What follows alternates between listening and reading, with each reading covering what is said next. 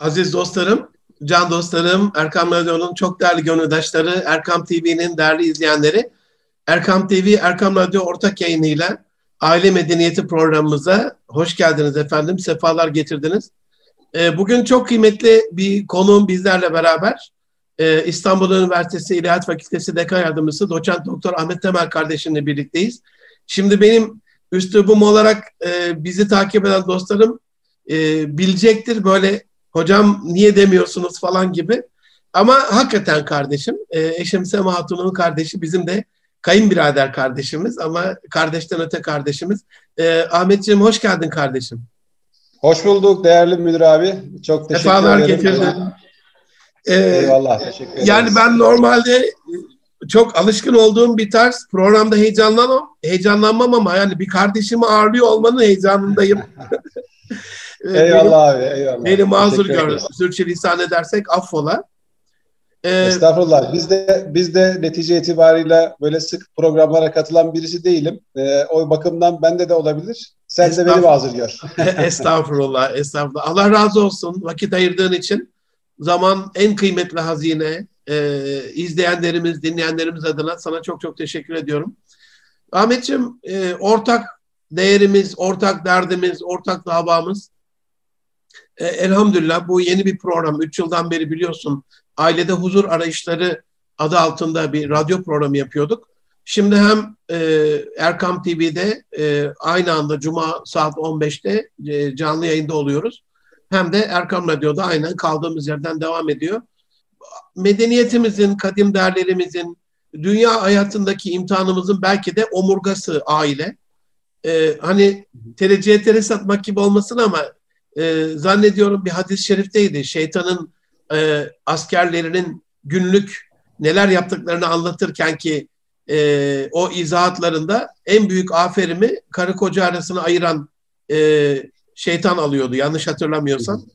E, dolayısıyla bu en büyük derdimize e, bir deva olsun, bir e, sadre şifa olsun diye böyle bir programda senin gibi değerli konukları çağırıp onların bakış açısıyla e, izleyenlerimizi, dinleyenlerimizi ihya etmeye, aile medeniyetimizi yeniden inşa etmeye çalışıyoruz. Katkıların için şimdiden çok çok teşekkür ediyorum. Ahmetciğim, e, usulümüz öyle, Yunusça başlıyoruz. Hani ben klasik CV okumuyorum. E, bir ben vardır, ben de benden içeri mantığıyla baktığımızda kimdir Ahmet Temel? Kendini nasıl anlatır, nasıl görür? Şimdi tabii müdür abi sen yakinen tanıyan birisi olarak sana anlatıyor gibi olma, olur gibi olmasın ama e, bizi izleyenlere, dinleyenlere e, kısaca şöyle e, ifade edeyim. Eyvallah. E, İmam Hatip e, Lisesi mezunu. Daha sonrasında e, Zeytinburnu İmam mi? Zeytinburnu İmam Hatip, evet. Zeytinburnu İmam Hatip Lisesi 2000 mezunu. Daha sonra aynı yıl e, İstanbul Üniversitesi İlahiyat Fakültesi'nde e, lisans öğrenimine başlayıp 2004 yılında mezun oldum. Ardından Marmara Üniversitesi e, Sosyal Bilimler Enstitüsü İslam Hukuku Ana Bilim Dalı'nda yüksek lisansımı tamamladım. Aynı yıl doktoraya başladım. Ve sonrasında da yurt dışında doktorayı tamamlamak nasip oldu. Yurt dışında tamamlayıp e, 2014 yılında mezun olduğum üniversitenin, mezun olduğum fakültesine tekrardan intisap ettim. Ne büyük Ve bahtiyar. e, eyvallah. O günden bugüne de orada e, hali hazırda devam ediyorum tedris faaliyetine. Bir iki tane ara soru e, Ahmetciğim izninle. O yıllarda geri dönersek senle şöyle bir konuşmamızı hatırlıyorum. Çok çok yüksek puanın vardı. E, hı. onunla e, mühendislik, tıp aklına gelebilecek farklı yerlere girebilirdin ama bir taraftan da e, 28 Şubat'ın da baskısı e, hı. İslami camiada belli bir şuur da oluşturuyordu. Ya niye başka bir bölüm e, değil Ahmet'im diye sorduğumda Münir abi ben e, tıp da olabilir mesela ama bir doktorun bir hastayı böyle bir cerrahın e, açtığında o ameliyat ederken bir şey bulduğunda problemi giderdiğindeki aldığı mutluluk benim İslami bir konuda kafama takılan bir meseleyi o deryalar dolusu kitapların içerisine dalıp oradan çıkarttığımdaki e, mutluluk bambaşka bir şey. Bunu hiçbir şey değişmem demiştin. Dolayısıyla çok böyle bilinçli bir seçimin oldu. Mutlu musun bu seçiminden? Hani ben mutlu olduğunu Kesin. biliyorum da izleyen kardeşlerimize, dostlarımıza e, bir e, vesile olsun diye soruyorum. Kesinlikle şöyle, e, o zamanlar benim zihnimde benim tabiatımın da daha yatkın olduğunu düşündüğüm iki alan vardı. İslam, e, ilahiyat ve hukuk alanları.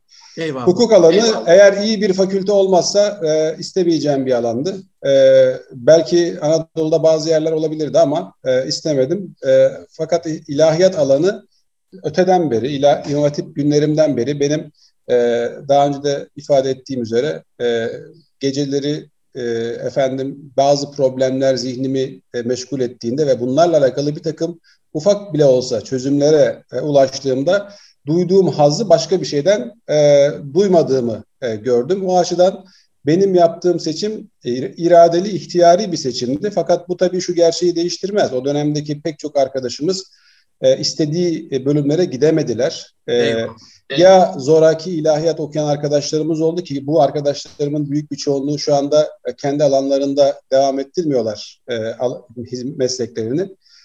Böyle bir e, zulmün olduğu bir dönemden e, geldik. Elhamdülillah ben bu anlamda kendimi bahtiyar hissediyorum. Elhamdülillah, elhamdülillah. E, tabii Amerika'da bulunduğum dönemde Kaliforniya Üniversitesi'nde e, oradaki çalışmalarım var. Aynı zamanda öğretim görevlisi olarak. E, evet. O, orayla buranın e, İslami ilimler e, açısından soruyorum. Farkını nasıl söyleyebilirsin bize? Ne gördün? Şöyle, e, Batı'da özellikle Amerika'daki üniversitelerde benim bulunduğum üniversitede dahil olmak üzere İslam çalışmalarının 100-150 yıllık bir mazisi var. E, fakat e, bu çalışmalar daha çok antropolojik e, ya da sosyal bilimler ekseninde yapılan çalışmalar. Bizdeki çalışmalar e, daha böyle anlaşılacak bir dille ifade etmek gerekirse içeriden çalışmalar. Daha oradaki çalışmalar evet burada oradaki çalışmalar daha dışarıdan çalışmalar. Bir e, antropolojik bir alan, bir nesne, bir olgu olarak dinin araştırılması söz konusu orada. E, ama tabii ki orada üretilen e, çeşitli bilgiler de bizim e, medeniyetimizde var olan e, işte çeşitli karşılaşmalarda, farklı kültürlerle karşılaşmalarda daima korunmuş olan başkasını kucaklama, başkasında var olan hikmeti, bilgiyi olabildiğince Eyvallah komplekse girmeksizin kabul evet. etme gibi bir e, tutum var. E, bu açıdan bakıp ben olabildiğince araştırma yöntemleri bakımından e, istifade ettiğim bir e, yer oldu. E, tabii orada araştırma yapma biçimi, araştırma yapmak e, bunlar e, burada ki burada da olduğundan daha değer verildiğini söyleyebilirim. Yani bir güzelleme yapmak istemem ama yani en azından olabildiğince insaflı bir değerlendirme yapmak gerekecek olursa Böyle bir şey e, olgusal olarak var. E, işte mesela orada lisansüstü eğitim yapan bir öğrencinin bir başka mesleği de arada yapması pek beklenen bir şey değildir. Çünkü yapılamaz. Yani böyle yaparsak da başarılı olamazsın. Odaklanmadan Türkiye'de ise bunun tam aksi. Yani Türkiye'de bunun tam aksi. Ee, öğrencilerimiz e, zaten bir meslek yapıyorlar. Bir taraftan lisansüstü kariyer yapıyorlar. Bu da tabii ortaya çıkan neticenin verimini oldukça e, etkileyen bir unsur. Kesinlikle kaliteyi etkiler. Ahmetciğim konuya gelirsek sevgili kardeşim, e, ailede en önemli e, mesele nedir sence? E, nasıl görüyorsun? Şimdi sevgili müdür abi, e, tabii biz Müslümanlar olarak hayata e, belli bir perspektiften bakan insanlarız. Eyvallah. Bu bireysel olarak da böyle, e, toplumsal olarak da böyle. Aile de toplumun netice itibariyle en küçük parçası. Biz burada e, teşkilatlanmalarda da devlet yapısı da dahil olmak üzere bütün sosyal yapılarda ve hayatımızda dikkate almamız, merkezimize almamız gereken bir soru var. Muradı ilahi neyi işaret ediyor? Muradı ilahi neyi gösteriyor? Eyvallah, rıza, eyvallah. rıza nerede? Allah'ın rızası hangi noktada? Bizim e, alanımız fıkıh alanı da netice itibarıyla e, en çok bunu e, e, bu soruyu merkeze alarak bir takım e, cevaplar bulmaya çalışır. E, o bakımdan e, benim gördüğüm kadarıyla e, ben tabii çok ifade etmedim kendimi e, tanıtırken. Aynı zamanda aile hukuku alanıyla ilgileniyorum. İslam Eyvallah. aile hukuku alanıyla ilgileniyorum. Allah razı olsun. Dolayısıyla bu çalışmalar sizin yaptığınız programda dahil olmak üzere oldukça önemli, çok önemli. E, çünkü büyüyen bir yara var, genişleyen bir e, problem var, gittikçe artan bir problem var aile alanında. Buna bir takım müdahaleler yapmak gerekiyor. Bunun akademik ayağı var, sosyal ayağı var. E, burada yaptığınız gibi medya ayağı var. Çok Eyvallah. önemli yapılan bu çalışmalar. Peki buradaki e, benim bahsettiğim yani Allah'ın bak dediği yerden bakmak, Allah'ın efendim razı olduğu şeyi aramak, bu gayretler içerisinde olmakla alakalı genel bir problemimiz var. Bu problem nasıl bir sonuca yansıyor? Ee, benim son yazdığım makalelerden birinde bu boşanmayla alakalı bir takım istatistiklere yer vermiştim. Oradan hatırladığım kadarıyla söyleyeyim. 2018 yılı itibarıyla Türkiye'de boşanma daha önce olmadığı kadar yüksek bir seviyeye geldi. Evlilik de daha önce olmadığı kadar düşük bir seviyede şu an itibariyle. Kaba boşanma hızı ve kaba evlenme hızı e, bu anlamda e, bu noktalara gelmiş vaziyette ve bu 65 milyonluk nüfustan 2000 ile 2018 arasını karşılaştıracak olursak 65 milyonluk nüfustan 85 milyonluk bir nüfusa artışa rağmen bu böyle rağmen. oluyor. Dolayısıyla burada ciddi bir problem var. Bu problemin kaynağına da baktığımızda yine çeşitli araştırmaların gösterdiği, işaret ettiği şey şudur. Yani bu boşanmaların arkasındaki temel gerekçe ne diye baktığımızda geçimsizlik. Buna tabii hukuk dilinde işte evlilik birliğinin temelinden sarsılması ya da şiddetli geçimsizlik ifadeleri kullanılır. Burada bir geçimsizlik var. Bir geçimsizlik. Ana problem olarak evet. bunu görüyorsun yani geçimsizliği. Evet. Eyvallah. Ve tabii bu problem e, aşılamayacak bir problem değil ve bizim İslam medeniyeti içerisinde buna e, pek çok getirilen formel ve informel yanıtlar var, cevaplar var, çözümler var.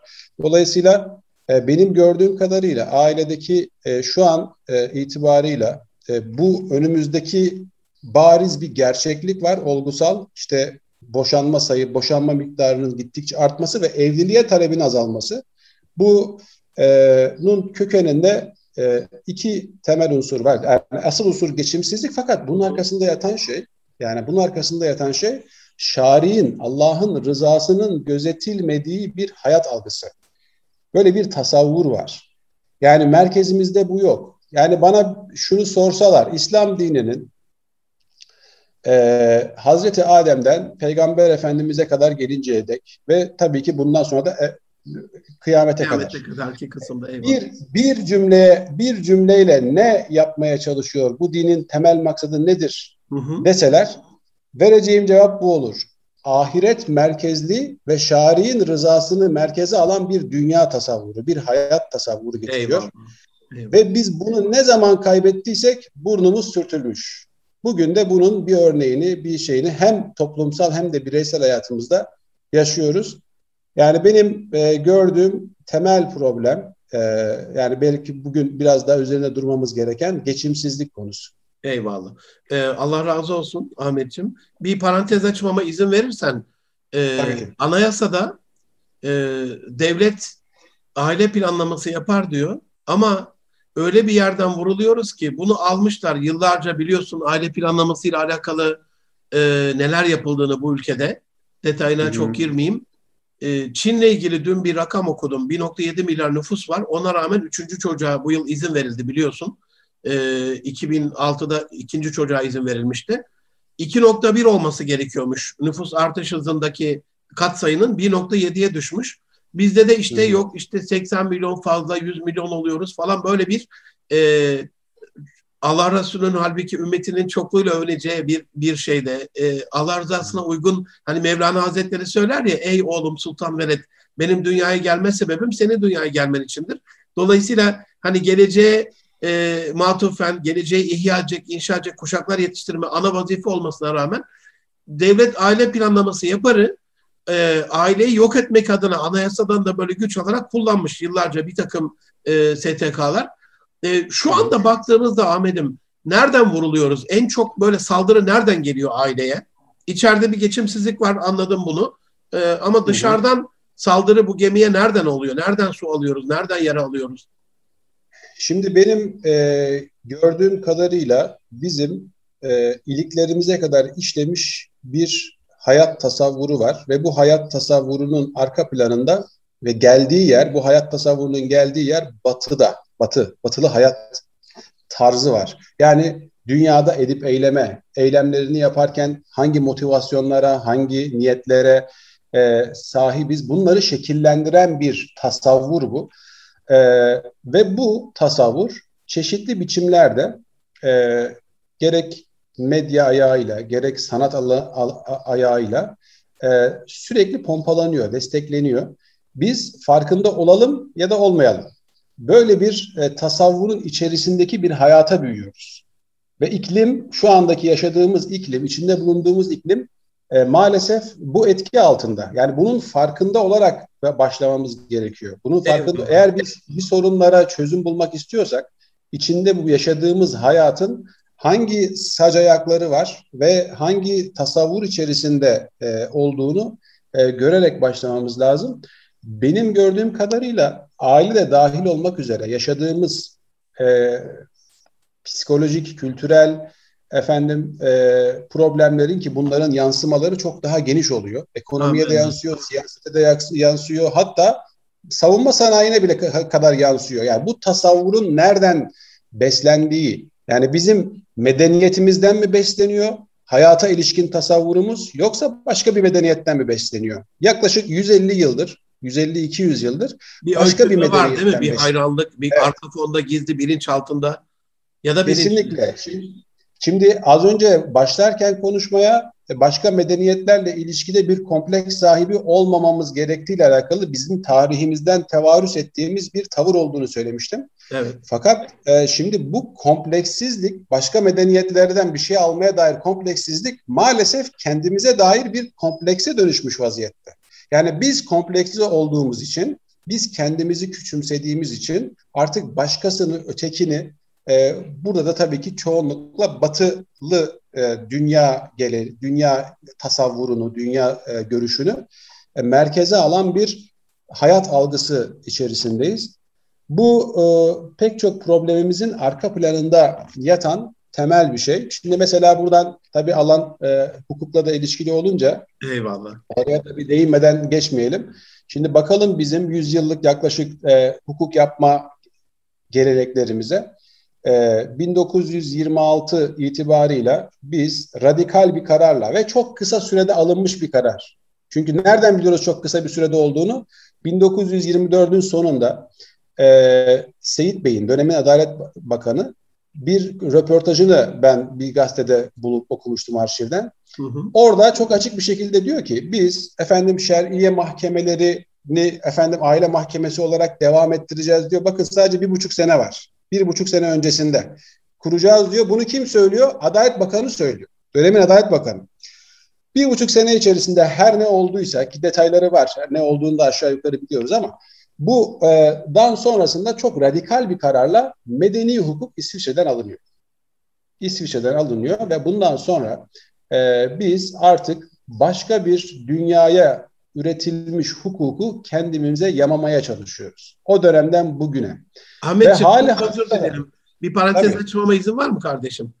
Tabii ki. Yani anayasa şu anda biz bu 150 yıllık davada biliyoruz kendi kendimize oturup yapalım desek bile değil bir buçuk yılda 15 yılda yapılmayacak bir şeydir yani.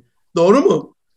Kesinlikle. Biz işte uğraşıyoruz 15 yıldan beri bir sonuca ya. varabildik mi? Ya, yani ya. bir sonuca varamadık. Yani e, bu tabii bir de öncesini de biliyoruz biz. Daha önce bizim mecelle geleneği var, hukuk aile kararnamesi geleneği Amen. var, daha önceki gelenek var. Bunların hepsi yani mecellenin bizatihi kendisi 11 yıl sürüyor. Sadece bakın ticaret hukukuyla alakalıdır. Daha çok da ticaret ve muhakeme usulüyle alakalıdır. Evet. 11 sene sürüyor. Biz bir buçuk yılda bütün medeni hukuku, medeni kanunu alıyoruz ve doğrudan bir tercümeyle çok da fazla üzerinde müzakere dahi edilmeden almış olduk. Ben şuradan buradan şuna işaret etmek istiyorum. Yani bizim e, yaklaşık 100 yıldır e, tavrımız batıdan geleni olabildiğince kendimize yamamaya çalışmaktır. Yani biz hukuktan tutun da kültüre ve sanata bakalım. Sanata bakalım. Sanata. Sanatta da aynı şey var. Sanatta da batıdan gelen ne varsa hoş geldin diyoruz.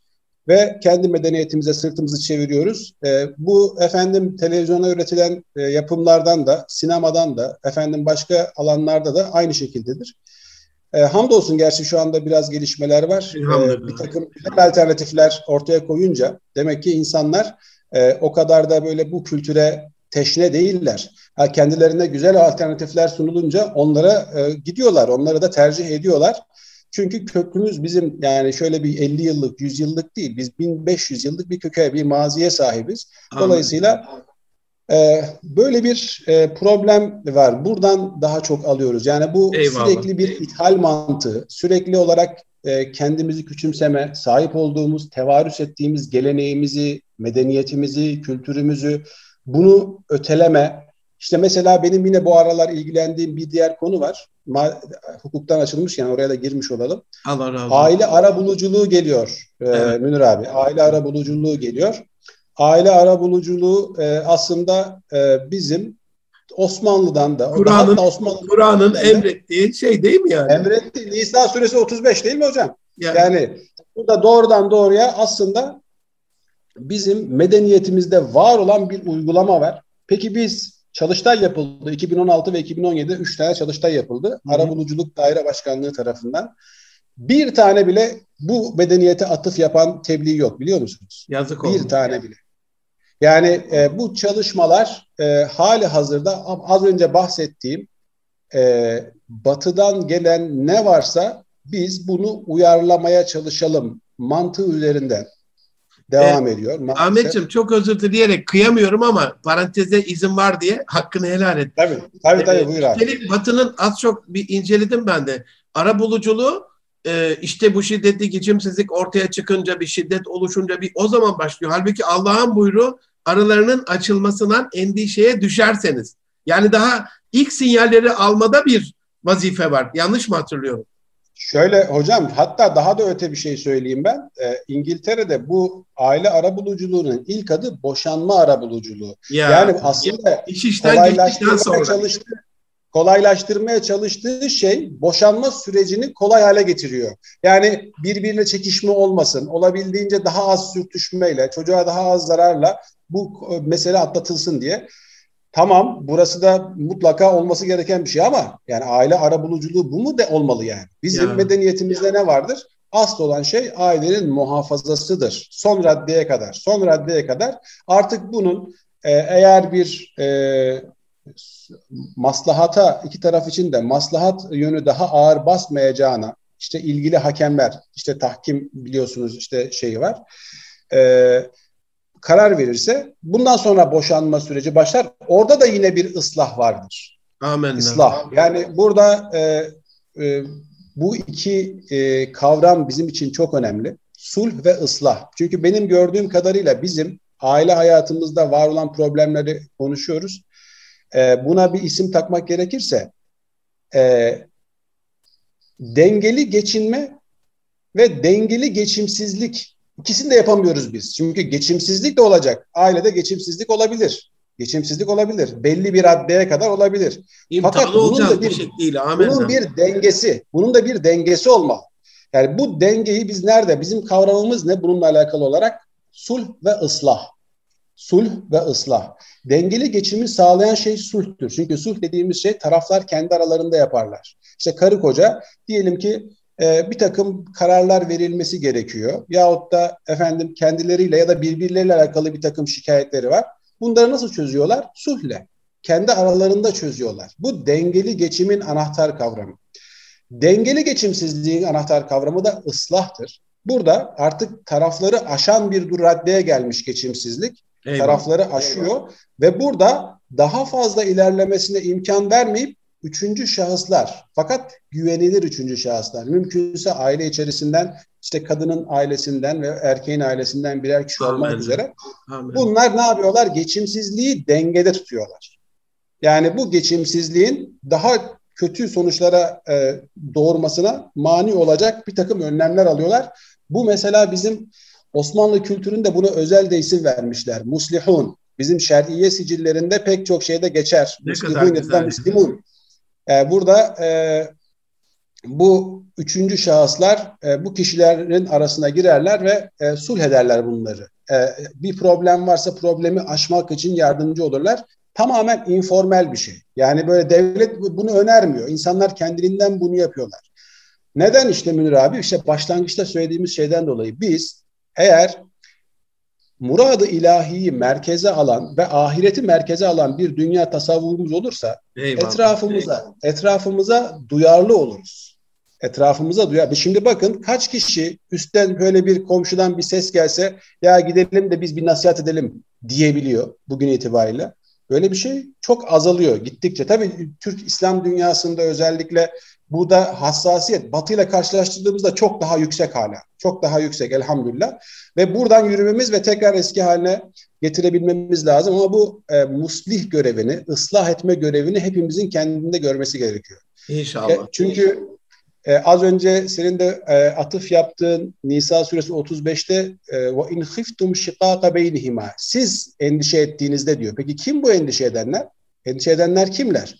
İşte bu ikiye, bu iki kişiye, karı kocaya şahit olan diğer Müslümanlar. Bu komşu olabilir, akraba olabilir, başka yani kimlerse bunlar. Yani bize bir sorumluluk var. Burada bir ne diyelim e, kifai bir sorumluluk var. Yani mutlaka birilerinin bu görevi üstlenmesi gerekiyor. Evet.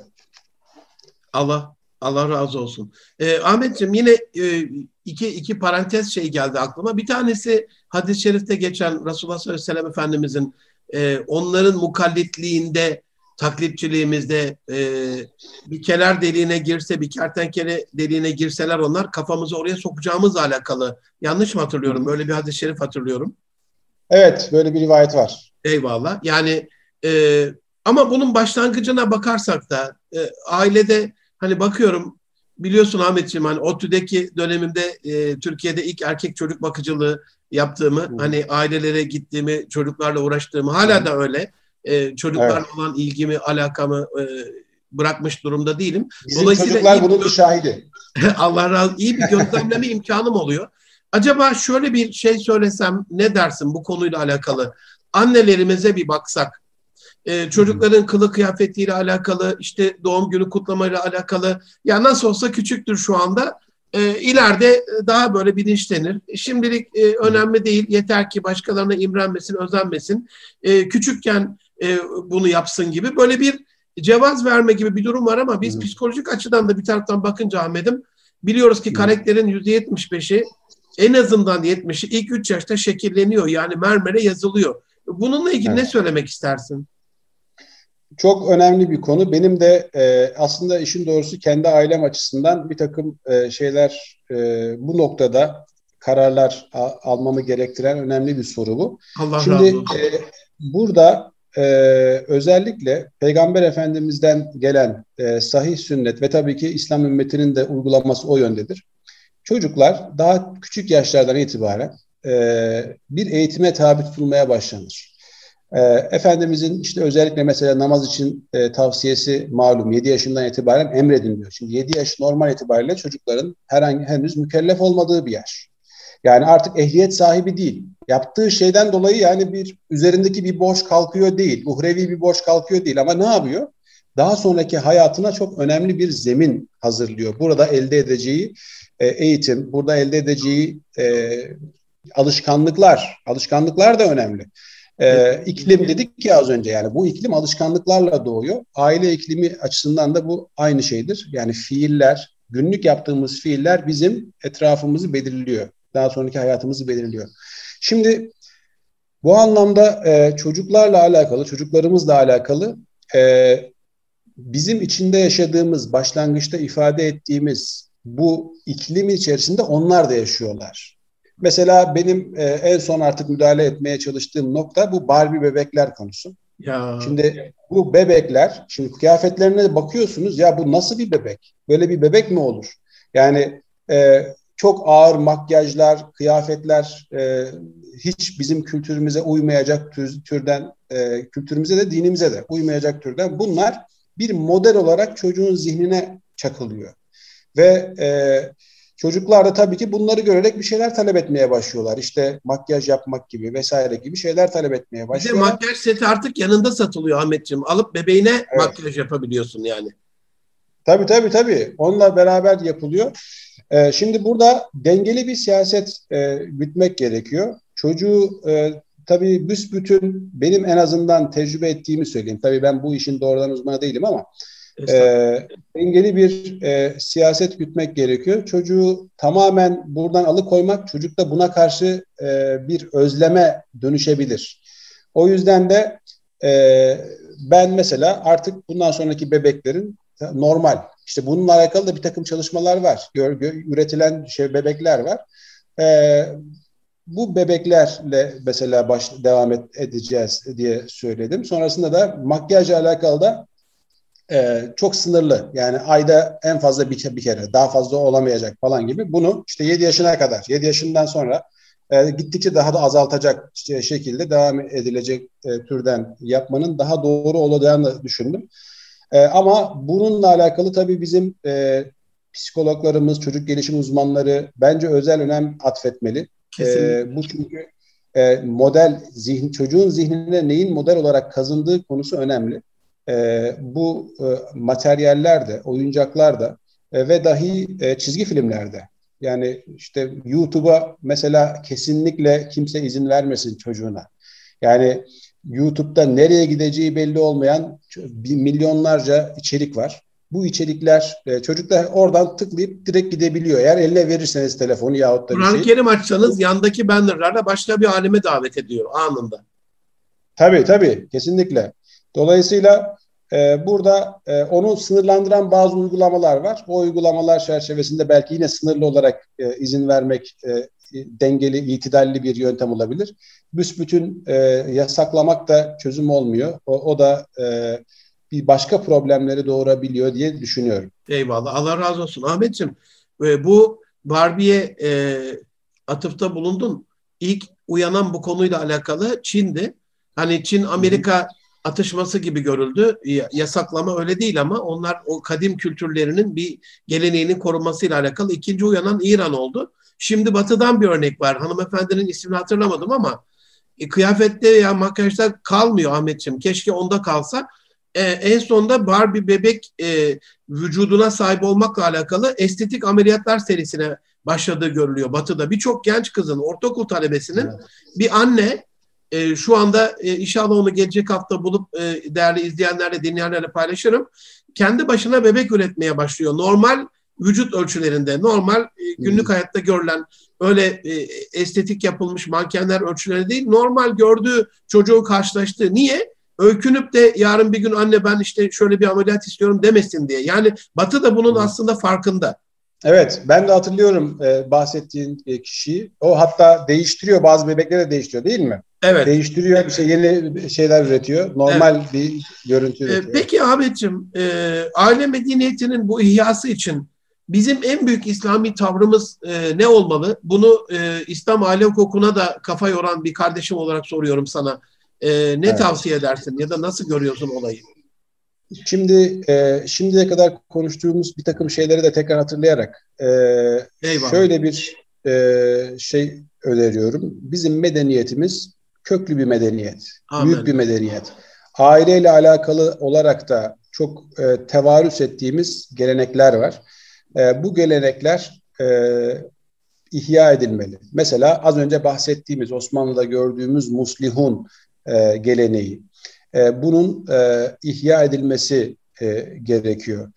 E, yine e, bu dengeli geçim ve dengeli geçimsizlik için bizim yapmamız gereken temel bir şey var. Bu da e, sorumluluk ve yükümlülüklerimizin bilincinde hareket etmek. Bizim Amin. temel kavramlarımızdan, medeniyetteki temel kavramlarımızdan bir tanesi adalettir. Adalet her şeye hakkını vermek, yerli yerinde koymak, her şeyi yerli yerine koymak. Bizim de e, evin reisi erkek reis gibi olmalı.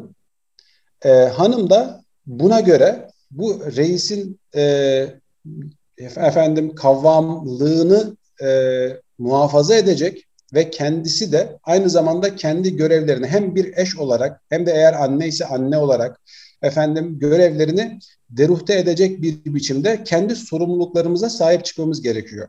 Şimdi bizim az önce tekrar e, işte bu gemi nereden su alıyor demiştik ya. Onunla alakalı belki de zikretmemiz gereken bir diğer konu da bu kadın erkek eşitliği retoriğidir. Bizi vuran en çok e, en önemli konulardan bir tanesi bence. Çünkü e, bu aslında bir nasıl söyleyelim e, bir takım ajandaların e, hayata geçmesi için çok efektif, verimli olarak kullanılmış bir retorik. Bir söylem, söylem. Aynı yani. cinsiyet eşitliği evet. gibi. Evet, evet tabii. Cinsiyet eşitliği de bugün itibariyle konuştuğumuz, geldiğimiz nokta burası. E, toplumsal cinsiyet e, dediğimiz şey. Bu da e, neyi, neye sebep oluyor bu? Kadın erkek eşit. Şimdi bizim şöyle bir hadis var, ben çok severim. E, İnnemen nisa'u şakaikur rical. Kadınlar erkeklerin bak e, şakik öz kardeş demek ama diğer taraftan da bir şeyin diğer yarısı.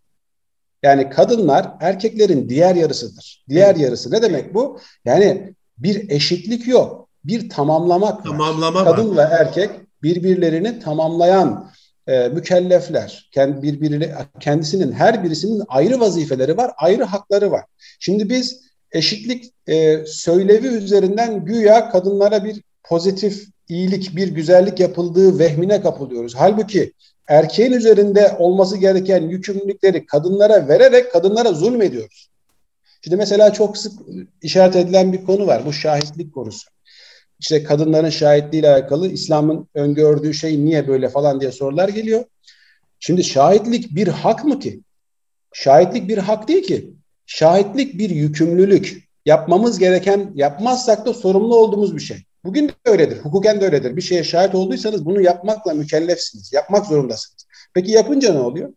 Yapınca davadaki iki kişiden birisinin lehinde bir şey söylemiş oluyorsunuz. E peki bu bir kadın için taşınması gereken bir yükümlülük mü? Ama bir erkek için taşınması gereken bir yükümlülük.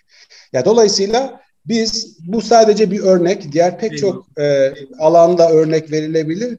Yani kadınlar e, kendi sorumluluk alanlarında e, olmalı, erkekler kendi sorumluluk alanlarında. E, tabii bu yani informal şekilde gerçekleşen ailenin efendim e, dengeli geçimsizlik sınırını aştığı noktalarda e, şekillenen bir defa e, bir takım profesyonel STK'ların olması gerektiğini kanaatindeyim. STK'ların şu anda işte aile arabuluculuğu e, şeyi var. Devlet e, bunu e, şey yapıyor. Eğer buna eklemlenirse bu en güzeli tabii ki.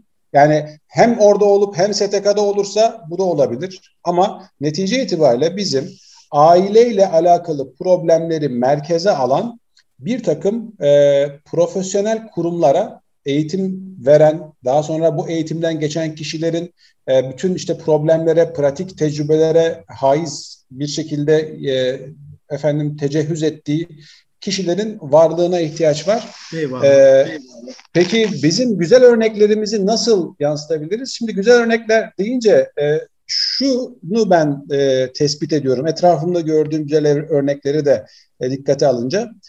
E, güzel örnekler kendilerinin güzel örnek olduğunun çok farkında olmayabiliyorlar.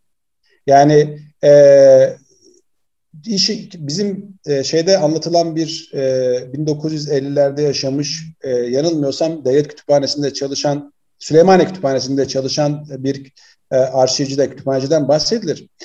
E, oraya gelen oryantalistlerin hayran olduğu birisi. Ne kitap söylerseniz adam söylüyor. Diyor ki işte şu kitabın şu şeyi de var. Efendim şu mecmua içerisinde şöyle bir risale var falan diye. Ondan sonra da diyor ki ya bu herkesin bildiği şeyler. Yani bir sadece bana has değil. Yani oraya bütün o profesörlerin hayran olduğu kişi kendisinin nasıl bir e, ilme sahip olduğunun farkında değil. Tam, tam olarak bunun ayırdığında olmayabiliyor. Burada da e, iyi örneklerimiz, iyi aile örneklerimiz bunun farkında olmayabilir. O yüzden de e, burada başkalarına iş düşüyor. Eyvallah. Kime? Eyvallah. İşi gözlemleme olan özellikle edebiyatçılarımıza, sanatçılarımıza, gazetecilerimize bu alanlarda çalışma yürüten kişiler ne yapacaklar? İşte gidecekler, onlarla röportajlar yapacaklar. Efendim bir romanın konusunu ona ayıracaklar. Yahut da bir dizi e, ortaya çıkartacaklar ve o aileyi şimdi mesela görüyoruz pek çok dizi var. O dizilerde e, bir e, psikiyatristin başından geçenleri anlattığı şeyler bizim karşımıza çok dikkat çekici. Bütün toplumun işte e, kulak kesildiği, kulak kabarttığı şeyler haline dönüşebiliyor.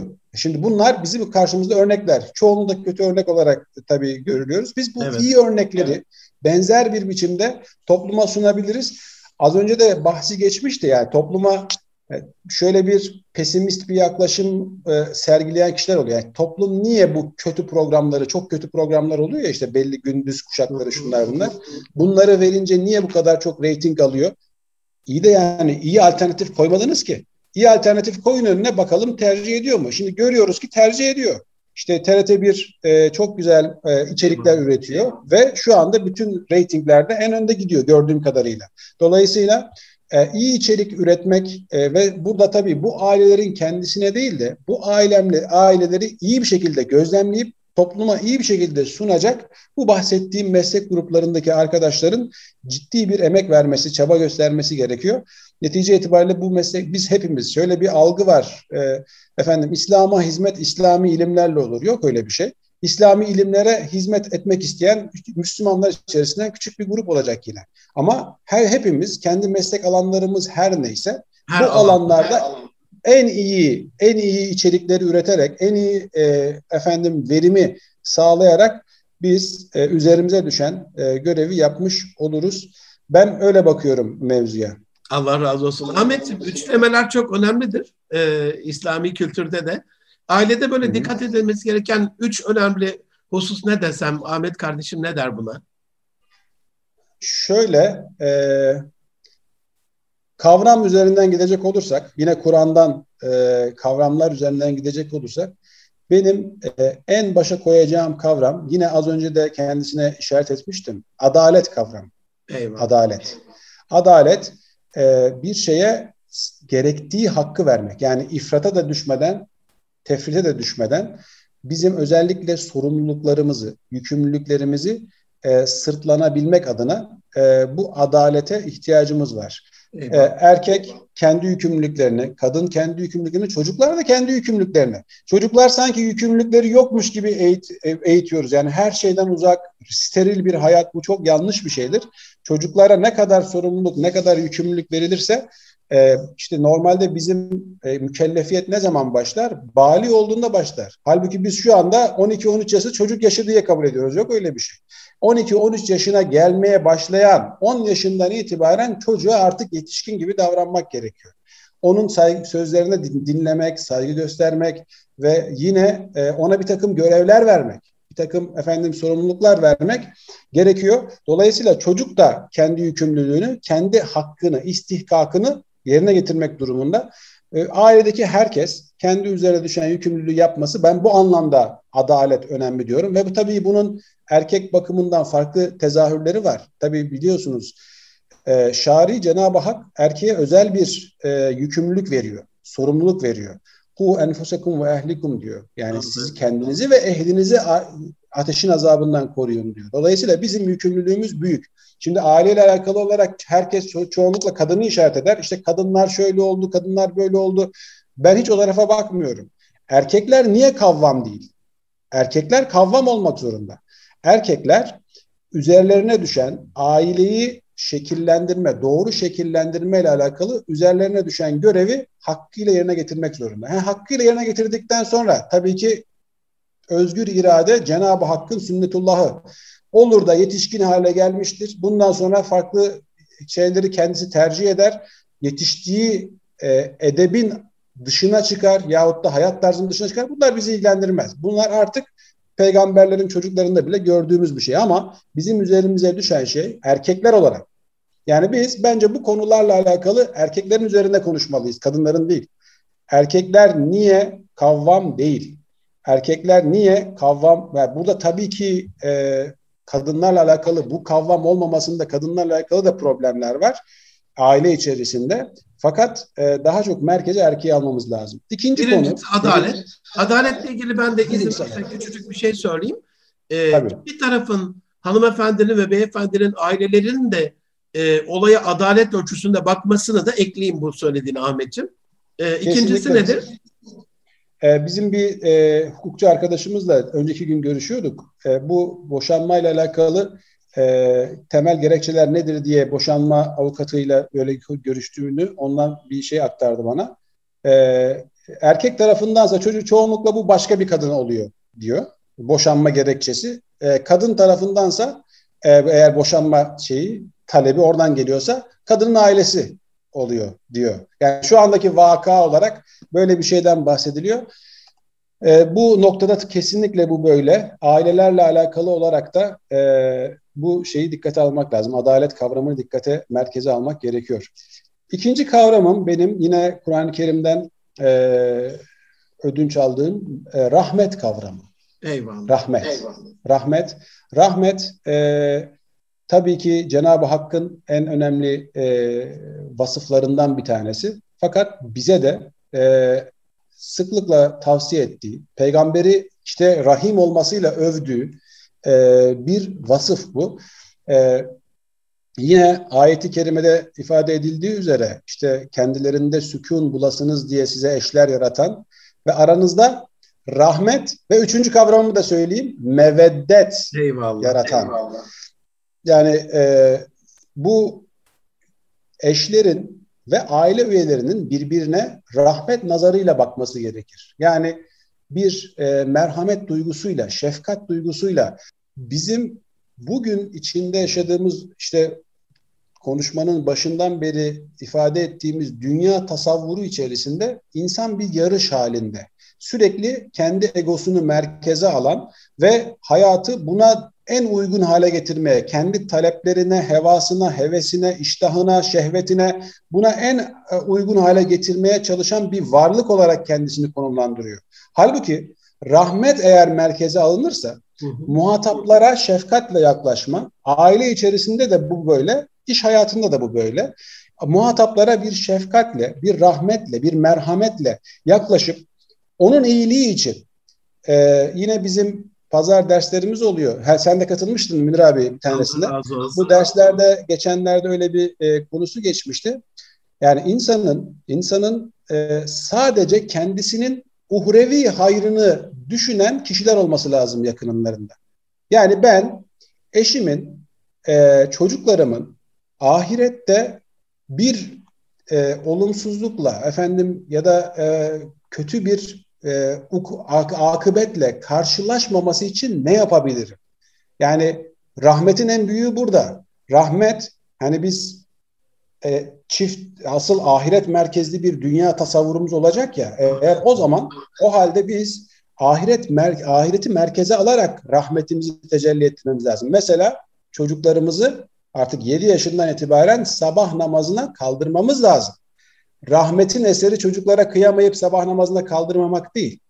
Rahmetin eseri o ahiretteki akıbeti hayır olsun diye çocuklarımızı sabah namazına gayretle bunu bir görev addederek özellikle ailenin erkekleri bunu e, yapması gerekiyor. Mesela de, diğer bütün ahlaki e, konular da aynı şekilde bir takım ahlak kodları, edep kodları bunların hepsini verirken arka planda bu olması lazım. Merhametle bunları yapmamız lazım. Eyvallah. E, Eyvallah. Muhatabımızı düşündüğümüz için Üçüncü kavramımız da meveddet. E, bu da sevgidir. Cenab-ı Hakk'ın ilka ettiği bir şey bu.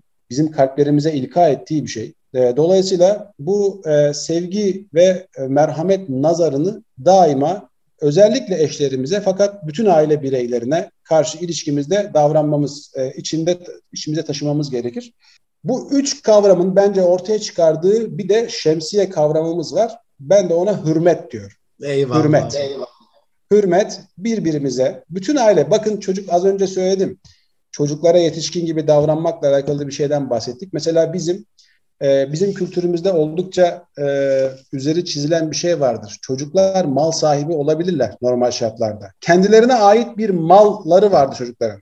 Babalar yani onların velileri bunu sadece tasarruf yetkisine sahiptir. Onun lehine, onun lehine tasarruf edecek. Yani ne yapacak? İşte çocuğun bir ihtiyacını kendi malından görecek ama onun lehine görecek. Yahut da onun malını işletecek ama onun malı olarak işletecek. Eyvallah. Onun malı olarak Eyvallah. işletecek. Sonrasında ona teslim edecek. Yani çocuğa hürmet göstermek lazım. Çocuğa hürmet göstermek lazım. Eşe, eşlerin birbirlerine hürmet göstermesi lazım. Fakat e, mahza bir korkuya dayalı bir e, hürmet, hürmet değil. Neye dayalı olması lazım? Adalete, merhamete ve meveddete dayalı bir hürmet olması lazım. Bu hürmet önemli. Birbirimizin alanlarına saygı göstermemiz, aile içerisindeki bireylerin alanlarına saygı göstermek e, önemli. Sınırları, hududu e, muhafaza etmek bunlar önemli. E, bu kavramları e, öne çıktığını e, düşünüyorum. Önemli hususlar olduğunu düşünüyorum. Allah razı olsun. Ahmetciğim sana çok çok teşekkür ediyorum sevgili kardeşim. Ee, başta e, seni yetiştirip bugünlere getiren Safinaz annemize rahmet okuyorum, rahmet Allah diliyorum. İzleyenlerimizden, dinleyenlerimizden hem e, Şükran annem için hem, hem Safinaz annemiz için e, bir Fatiha istirham ediyorum. Ama pazar evet. toplantıları demişken senin bugünlere gelmende, karakterinin şekillenmesinde, sırat-ı müstakimde e, olmanda etkisi olduğunu düşündüğüm en azından e, sizinle ilgilenen bir abi olarak Recep Kabakçı hocamızı da bahsetmeden olmaz. İstersen iki satır evet. onun yaptıklarıyla ilgili de bir şey söyle ki hani o ayet-i kerimede geçen e, az evvel okuduğun Nisa 35'teki e, illa e, karı kocanın arasındaki e, geçimsizlikten onların e, endişeye düştüğümüzde gelen bir vecibe değil. Her birimiz birbirimizden sorumluyuz. Birbirimizi hayra davet etme konusunda, e, birbirimize iyilik ve ikramda, ihsanda bulunmak konusunda güzel bir örnek olduğunu düşünüyorum. İstersen hı hı. Recep Hocam'la bitirelim. Tamam inşallah. Recep Hocam bana kızacak şimdi söyleyeceklerinden ama e, Recep Hocam e, benim de benim gibi e, şimdi gördüğüm kadarıyla yüzlerce, binlerce e, Allah e, kişinin de hayatına dokunmuş, e, onlarla ilgilenmiş, emek vermiş, zaman ayırmış, bunlarla dertlenmiş. Bir de dert küçükken itibaren değil mi yani? Daha, tabii tabii. tabii. Hani daha 7 yaşından hatırlıyorum ben Zeytinburnu'nda Tabii daha orta birden itibaren tanıştık Recep Hocam'la. E, ondan itibaren gelen bir şeyimiz var. Muhabbetimiz var. E, yani bu gizli kahramanlar e, kendi aile hayatıyla da örnek. Yani işte bizim gördüğümüz mesela şimdi az önce söyledik e, gözlem kabiliyeti olan arkadaşları göreve çağırdık. Mesela gidebilecekleri yerlerden bir tanesi. Yani dolayısıyla e, hocam e, ve onun gibi pek çok gizli kahraman e, bizim e, gerek ümmet içerisinde gerekse daha dar çerçevede Türkiye'deki Müslümanlar açısından önemli örnek e, teşkil ediyorlar ve insanların hayatlarına e, dokunuyorlar, değiştiriyorlar, güzelleştiriyorlar e, elhamdülillah. Bu anlamda e, Recep Hocama da ve üzerimde emeği olan başka şimdi isimlerini say- birisini sayarsam diğerini unutacağım büyük ya ihtimalle. Şimdi o yüzden Necati saymazsak olmaz böyle. Ee, Tabii ki. 10 çocuk e, yetiştirip ikisi vefat edip sekiziyle e, İstanbul'da çok güzel bir onlara gelecek hazırlayan, hepsini İslam fıtratı üzerine yetiştiren. E, ona da şifa dileyelim. Kendi Şükrü babamıza da şifa dileyelim.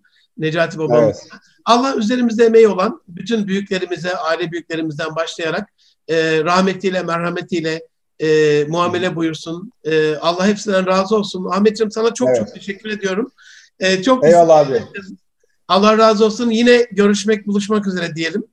İnşallah. Zaten e, sonlarda anne ve babaya ilişkin e, konuşma e, oraya doğru şey evrilmiş oldu. Orayla alakalı pek çok şey söylemedik ama aileyle alakalı tabii anne ve baba e, dini metinlere, e, naslara baktığımızda üzerinde en çok durulan şey. İşte e, وَقَضَى رَبُّكَ اَنْ لَا تُشْرِكْ بِاللّٰهِ وَبِالْوَالِدَيْهِ ihsana diyor. Yani Allah emretti. Allah bunu buyurdu. Neyi? Şirk koşmamayı ve Allah anne ve babaya iyilik etmeyi. Anne babaya iyilik etmeyi. Yani şirkten sonraki en önemli görev nedir? Anne babaya iyilik etmek. Dolayısıyla bu kısım da önemli. O onların isimleri de anmış olman bu anlamda e, manidar oldu. Eyvallah. Bütün geçmişlerimize özellikle e, anneciğime e, Rabbim mağfiret buyursun, rahmet buyursun. Amin. Cennetinde bizleri buluştursun inşallah. E, hasta olan bütün e, yakınlarımıza, babam ve babanız da dahil olmak üzere e, hepsine de şifalar buyursun diyelim ve bitirelim. Inşallah. Allah razı olsun. Çok çok teşekkür ediyorum. Ee, aziz izleyenler, çok değerli, çok kıymetli dinleyenler, e, Erkam TV, Erkam Radyo ortak yayınıyla sizlere ulaştırdığımız, ulaştırdığımız bir aile medeniyeti programında sonuna geldik. İnşallah gelecek hafta e, yine böyle kıymetli konuklarımla, dostlarımla çok değerli konuları kadim medeniyetimizin ihyasıyla, inşasıyla e, alakalı, imarıyla alakalı sizlere sunmaya gayret edeceğiz. Allah'a emanet olun. Hoşça kalın efendim.